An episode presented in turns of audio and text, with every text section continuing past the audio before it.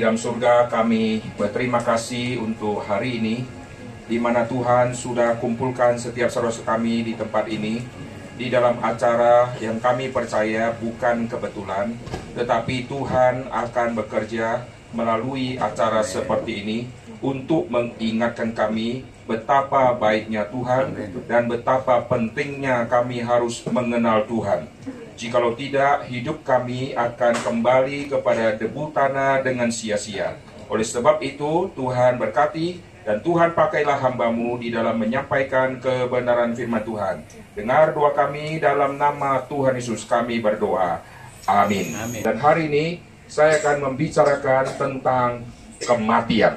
Ayat yang saya akan ajak saudara baca itu ayat yang sudah sering kita dengar dan ayat ini juga yang suka dikutip oleh Bapak Ahok. Nah sekarang saya akan ajak saudara membaca di dalam Filipi pasal yang pertama. Filipi pasal yang pertama ayat 21 sampai 26. Demikianlah firman Tuhan. Karena bagiku hidup adalah Kristus dan mati adalah keuntungan. Tetapi jika aku harus hidup di dunia ini, itu berarti bagiku bekerja memberi buah. Jadi mana yang harus kupilih, aku tidak tahu. Aku didesak dari dua pihak, aku ingin pergi dan diam bersama-sama dengan Kristus. Itu memang jauh lebih baik. Tetapi lebih perlu untuk tinggal di dunia ini karena kamu. Dan dalam keyakinan ini taulah aku, aku akan tinggal dan akan bersama-sama lagi dengan kamu sekalian, supaya kamu makin maju dan bersuka cita dalam iman, sehingga kemegahanmu dalam Kristus Yesus makin bertambah karena aku, apabila aku kembali kepada kamu. Ayat 21, Bagiku hidup adalah Kristus dan mati adalah keuntungan. Saudara sekalian, di dalam Alkitab kita melihat penjelasan tentang kematian itu penjelasan yang paling akurat. Di dalam banyak kebudayaan kita mengerti kematian berdasarkan banyak kebudayaan itu banyak yang sangat berbeda dengan Alkitab. Ada kebudayaan tertentu yang percaya setelah seseorang itu sudah mati, maka tidak ada lagi yang namanya hari depan. Sudah mati, artinya hilanglah sudah. Teori ini kalau benar, maka manusia akan semakin jahat di muka bumi. Karena percuma saya hidup baik, karena toh nanti setelah mati, saya akan hilang. Lalu saya sudah berjuang di dalam dunia hidup baik, toh setelah mati akan hilang. Lebih baik saya berbuat jahat, sudah jahat, nanti penghakiman terakhir tidak ada. Karena setelah saya jahat, tiba waktunya saya mati, maka seluruhnya langsung selesai. Maka kejahatan di muka bumi akan semakin banyak. Jikalau setelah mati, kita hilang. Lalu ada kebudayaan yang lain yang percaya bahwa kita ini mati, nanti kelak akan hidup kembali. Kita kelak akan lahir kembali. Kalau sekarang kita sudah tua, oh tidak usah sedih. Nanti kita akan lahir kembali menjadi seorang anak. Oh ini menjadi satu penghiburan besar bagi orang yang hidup di dunia yang penuh dengan kece kecewaan. Karena nanti bisa lahir kembali.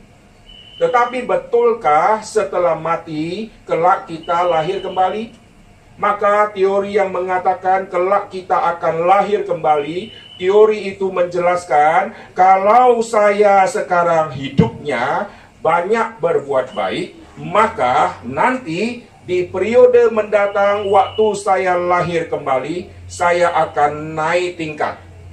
Dulu saya lahir di kampung, nanti di kelahiran kembali nanti waktu saya lahir lagi jadi baby, saya mungkin lahir di kota besar atau di istana.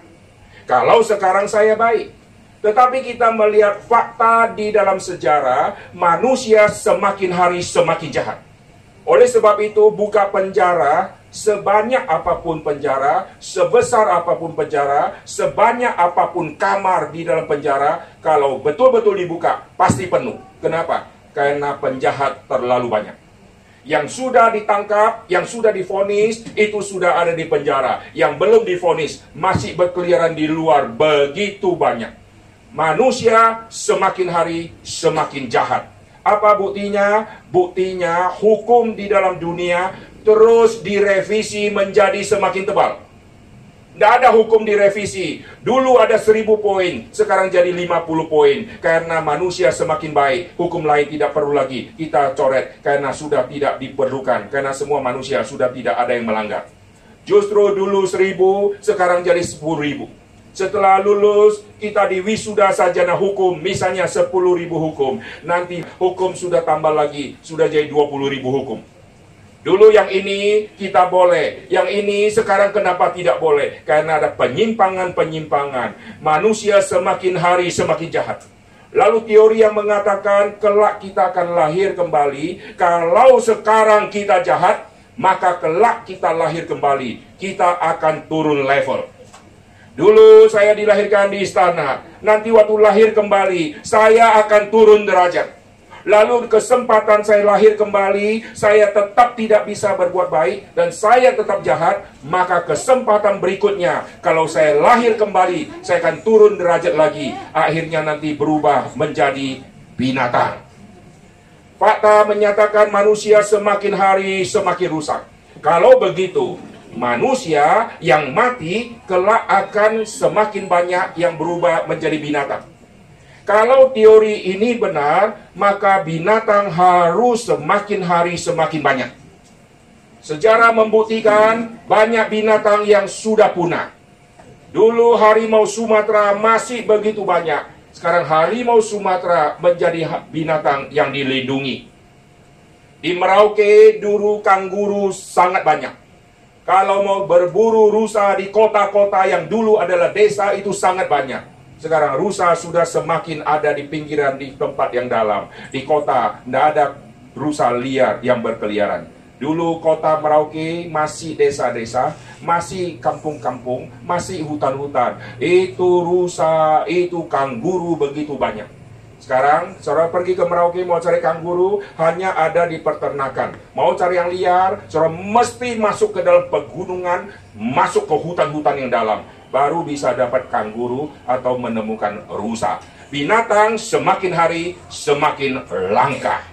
Kenapa? Kalau binatang mestinya semakin hari semakin banyak karena manusia semakin hari semakin jahat lalu akan lahir menjadi binatang.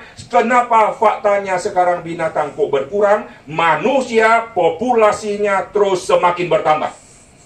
Di dalam sejarah umat manusia kita melihat harga tanah terus naik. Kenapa? Karena manusia beli tanah untuk bangun rumah. Mestinya harga tanah makin murah karena manusia makin banyak berubah jadi binatang. Lalu manusia yang dulu banyak, sekarang sisa 20 orang. Sisanya menjadi binatang yang lain. Tetapi kenapa harga tanah tambah naik, lalu rumah semakin hari semakin banyak, di gunung-gunung sekarang banyak rumah-rumah penduduk. Ini membuktikan teori kelak setelah mati akan lahir kembali pasti salah.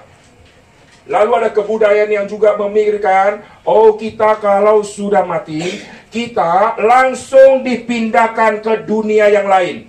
Dunia yang mana? Tidak ada satupun yang tahu. Oleh sebab itu tidak usah sedih. Sekarang dia tutup mata di sini, tapi dia buka mata di dunia yang lain. Nanti di dunia sana dia akan hidup di situ. Lalu detailnya kayak apa? Semua misteri. Pokoknya tidak usah nangis. Dia akan pindah ke dunia yang sana. Tapi tidak ada jawaban dunia yang macam apa.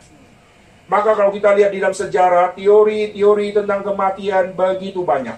Tetapi Alkitab mengatakan kematian itu ada karena upah dosa. Ini tidak pernah ada di seluruh kebudayaan manusia mana pun kecuali ditulis di dalam Alkitab. Upah dosa adalah maut. Dan setan adalah yang pertama kali mengatakan, kau melanggar perintah Tuhan, kau tidak akan mati.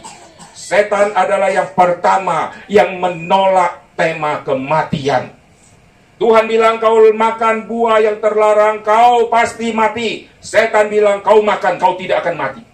Jadi barang siapa yang menolak fakta kematian, dia mirip seperti konsep berpikirnya setan. Tidak ada mati. Kau makan saja. Kau akan menjadi seperti Tuhan. Maka dosa manusia yang paling fatal di alam semesta bukan berbohong, bukan menipu, bukan korupsi, tapi ingin menjadi Tuhan.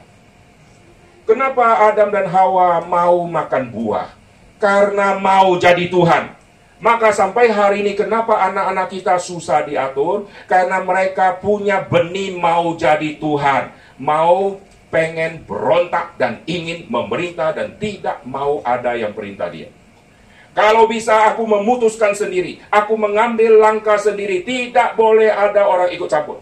Maka anak sekarang semakin hari semakin liar. Kalau mama protes aku, mama tidak mau ikut apa yang aku sudah nyatakan, aku besok bunuh diri.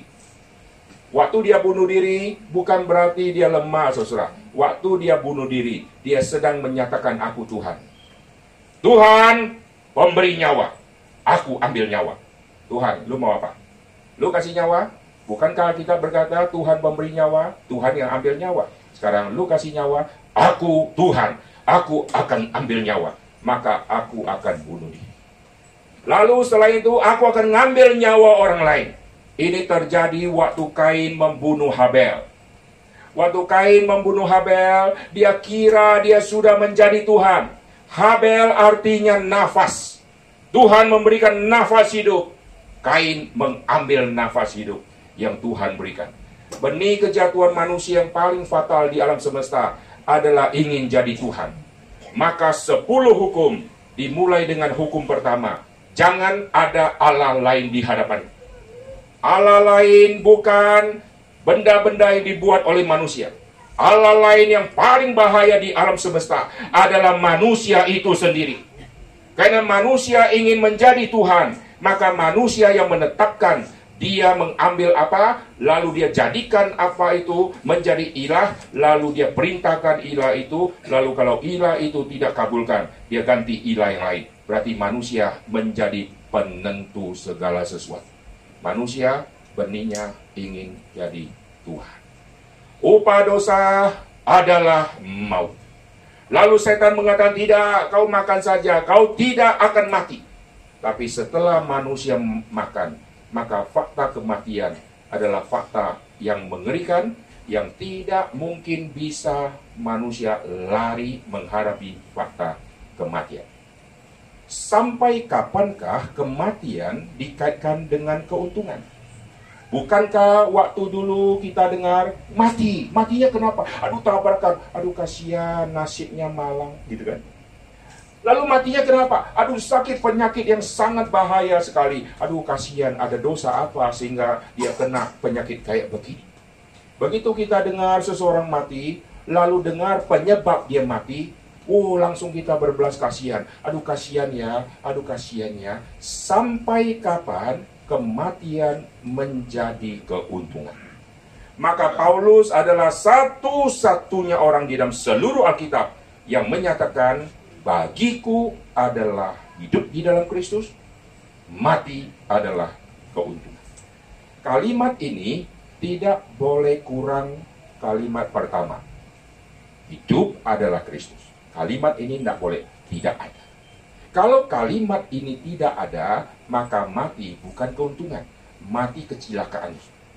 Tapi karena hidup ada di dalam Kristus, barulah kematian menjadi keuntungan. Maksudnya apa? Maksudnya, siapakah yang bisa lari dari hukuman maut? Semua manusia akan kena hukum. Manusia tidak mungkin lepas dari yang namanya hukuman maut, yaitu kematian.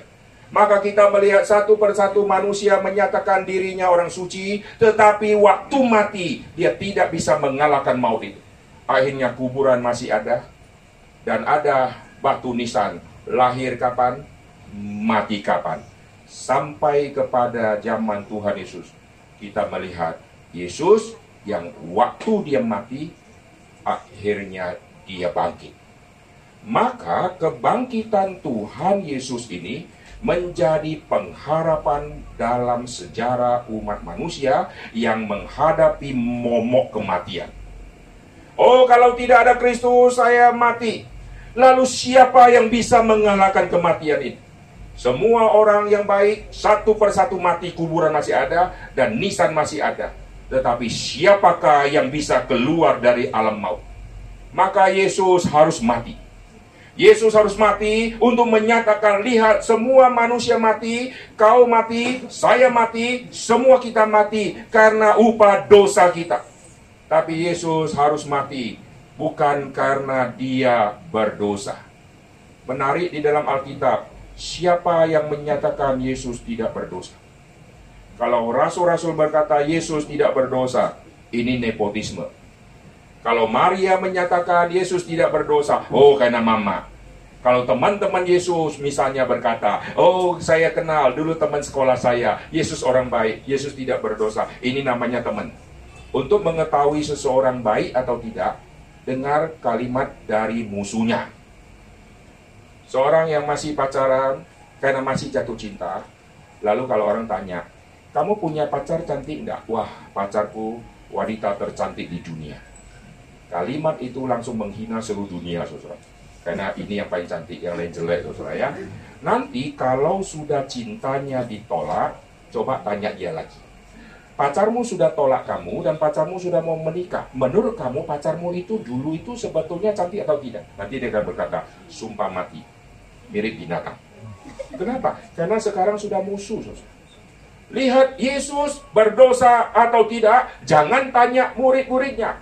Tanya orang yang memusuhinya.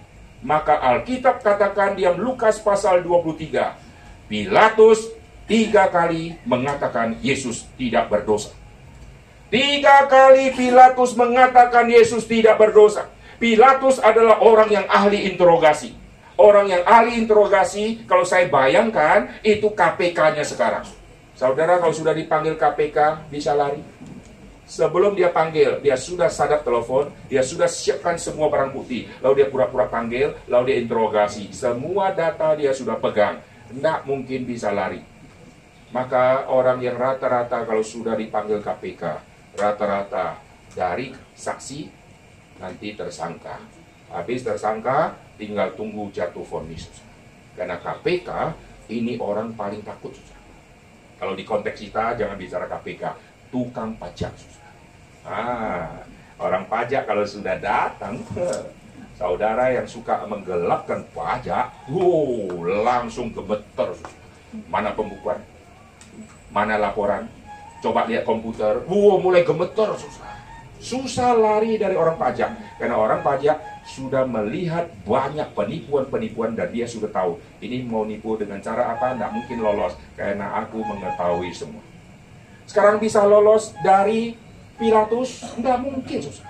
Dan Pilatus tiga kali mengatakan Yesus tidak berdosa. Kalau Yesus berdosa, pasti Pilatus mungkin seratus kali berkata, Yesus berdosa, berdosa, berdosa, dan pasti berdosa. Lalu Alkitab mengatakan, Herodes pun mengatakan Yesus tidak berdosa. Saudara bayangkan Herodes bisa sampai berkata Yesus tidak berdosa, itu tidak mungkin. Ini semua dua orang ini Pilatus sama Herodes, ini penjahat besar. Sekarang orang kalau punya anjing piaraan namanya terlalu bagus, saudara. Ada yang kasih nama Beauty. Kalau saya punya anjing piaraan, saya kasih nama Hero. Nama lengkapnya Herodes. Kasih kucing Pila, gitu ya. Pilatus. Nama anjing dikasih bagus-bagus, nama kucing dikasih bagus. Kasih nama yang jajan itu. Pilatus tiga kali mengatakan Yesus tidak bersalah. Herodes mengatakan Yesus tidak berdosa. Lalu Yudas Iskariot yang sudah jual Tuhan Yesus.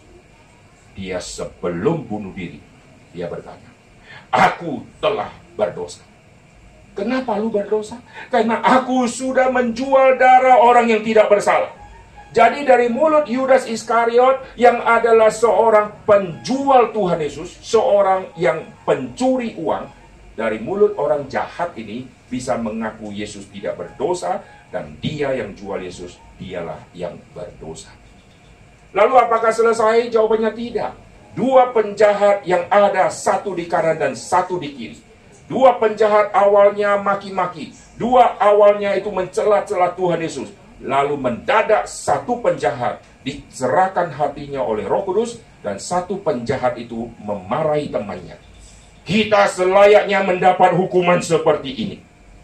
Kenapa dari awal mencela Tuhan Yesus? Karena mereka merasa mereka lebih baik. Karena yang disalibkan di tengah, ini dosa lebih besar. Lalu kalau Yesus di tengah, kami di kiri, kami di kanan, berarti kami punya dosa lebih kecil dari Tuhan Yesus. Oh, maka mereka merasa dirinya orang benar. Maka mereka mencela Tuhan Yesus. Engkau di tengah. Di dalam kebudayaan zaman waktu itu, penjahat yang besar, penjahat yang paling jahat, dipermalukan, disalib, sekaligus taruh di paling tengah.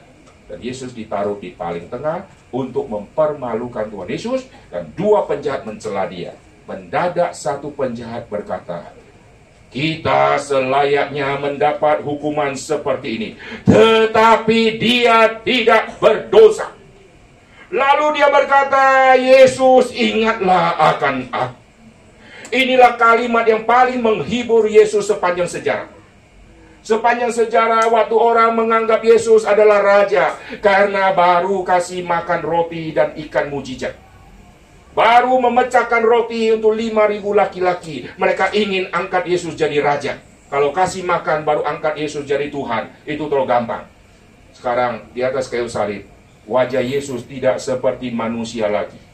Penjahat ini waktu melihat Tuhan Yesus tidak minta disembuhkan.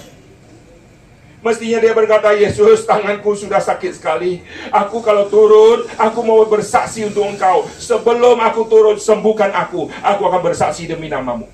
Tapi penjahat ini tidak, karena dia melihat Yesus jauh lebih sengsara, lebih menderita. Muka tidak seperti manusia lagi, tapi tidak menyembuhkan diri sendiri.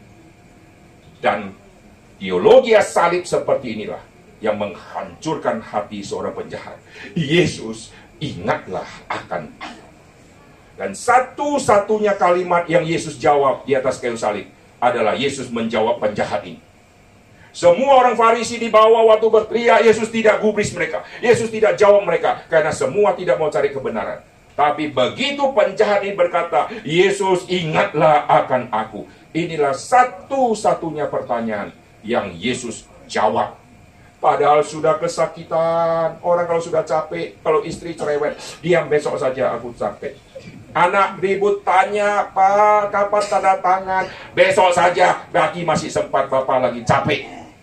Kalau sudah sakit, badan sudah peri-peri, lalu orang ajak ngomong, kita pengen cepat-cepat suruh dia pergi. Sekarang penjahat ini berkata, Yesus ingatlah akan aku. Yesus langsung menjawab, hari ini engkau akan bersama-sama dengan aku Apakah selesai? Pilatus mengaku Yesus tidak berdosa. Herodes mengaku Yesus tidak berdosa.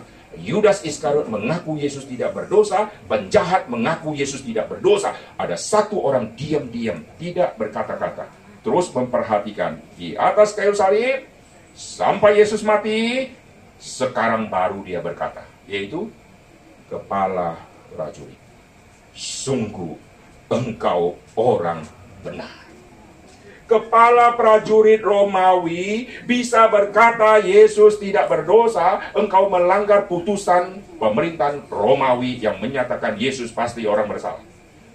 Sekarang dia berkata, engkau orang benar. Di dalam kitab Injil bagian yang lain dicatat, sungguh engkau anak Allah. Kemudian Yahudi tidak boleh menganggap orang lain adalah Allah selain daripada kaisar. Kaisar adalah Tuhan Kaisar keturunan daripada Tuhan. Kaisar adalah anak daripada dewa yang tertinggi. Sekarang dia berkata, sungguh engkau anak Allah. Berarti resiko kepala prajurit akan di PHK, resiko akan dipecat, resiko akan dipenjarakan karena sekarang menyangkal kaisar adalah yang tertinggi. Saudara perhatikan, jikalau Yesus bukan Tuhan, tidak mungkin. Jikalau Yesus berdosa, tidak mungkin lolos dari pengakuan mulut dari semua musuh-musuh yang hebat-hebat tadi. Lalu kalau Yesus tidak berdosa, mengapa Yesus bisa mati? Upah dosa adalah maut, saya cocok, karena saya berdosa. Kita semua cocok. Yesus tidak berdosa, maka upah dosa adalah maut. Tidak cocok untuk Tuhan Yesus. Lalu kenapa Yesus bisa mati? Caranya sederhana. Seperti domba di dalam perjanjian lama, Domba yang dipilih tidak boleh ada cacat.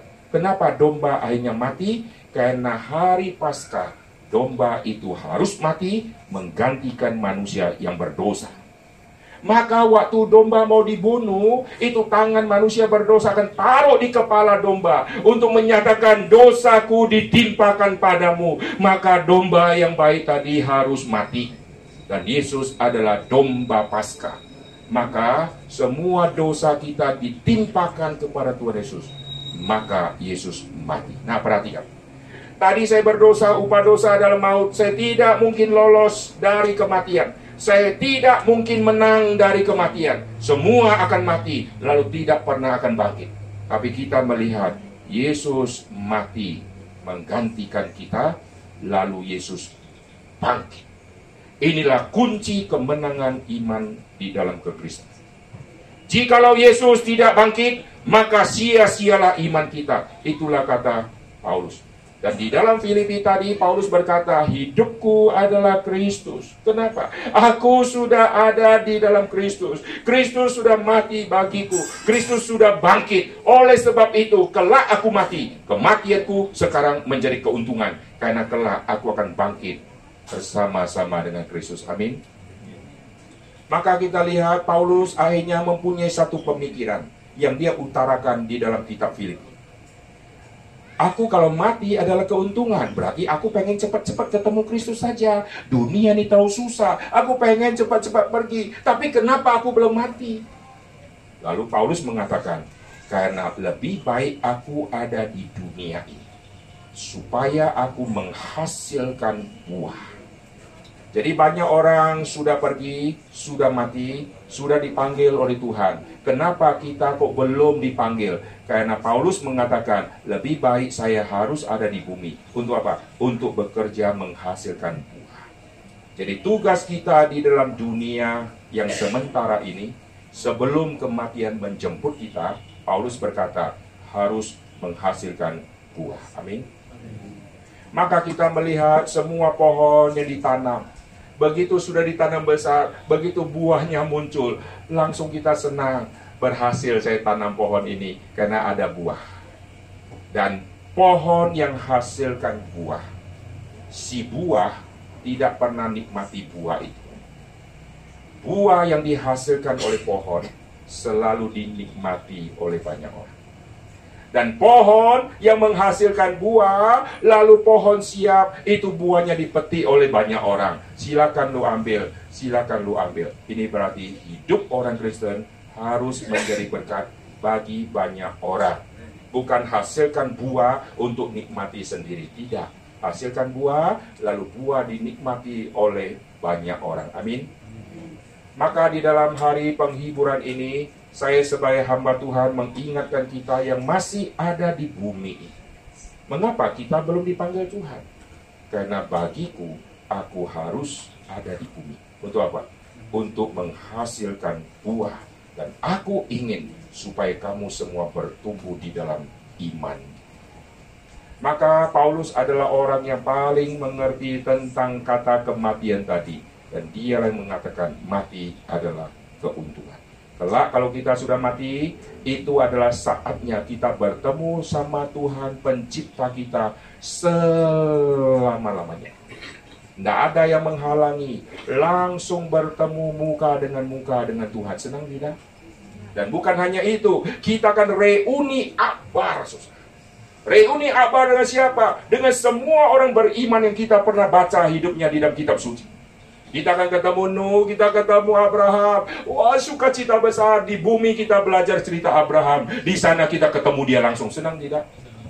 Oh, kita ketemu bukan hanya tokoh Alkitab. Kita ketemu semua orang-orang yang pernah Tuhan pakai di dalam sejarah. Yang mungkin bukunya pernah kita baca. Sekarang kita ketemu orangnya. Aduh, kau ada di sisi Tuhan. Lalu kita ketemu semua orang-orang beriman. Dan itu reuni akbar yang selama-lamanya tidak pernah ada tangisan air mata lagi. Amin. Maka itulah sukacita di dalam kekristenan. Mati adalah keuntungan. Jikalau hidupku adalah Kristus. Mari kita berdoa. Bapa di dalam surga kami berterima kasih untuk hari penghiburan ini. Kami berterima kasih untuk armahum yang Tuhan sudah berkati, baik menjadi ayah yang membesarkan semua anak, ataupun menjadi seorang yang menjadi berkat bagi tetangga-tetangga, bagi orang-orang zamannya. Dan kami berterima kasih melalui keturunannya, kami bisa melihat orang-orang yang lahir melalui keturunannya dipakai oleh Tuhan. Dan hambamu berdoa, jikalau ada di antara keturunan yang sampai hari ini belum mengenal Tuhan Yesus, Tuhan berbelas kasihanlah. Biar suatu hari mereka pun bisa mengenal Tuhan Yesus. Karena hidup kami hanya satu kali, kematian akan menjemput kami. Kepada siapakah kami harus percaya? Kepada siapakah kami harus pegang untuk jaminan masa depan kami? Kami harus pegang kepada yang mengalahkan maut, yaitu Yesus. Terima kasih Tuhan untuk kebersamaan di tempat ini. Hiburlah keluarga, pakailah keluarga yang ditinggalkan untuk semakin hari semakin menghasilkan buah. Dan buah yang dihasilkan adalah buah yang tetap. Terima kasih Tuhan dengar doa kami. Dalam nama Tuhan Yesus kami berdoa. Amin.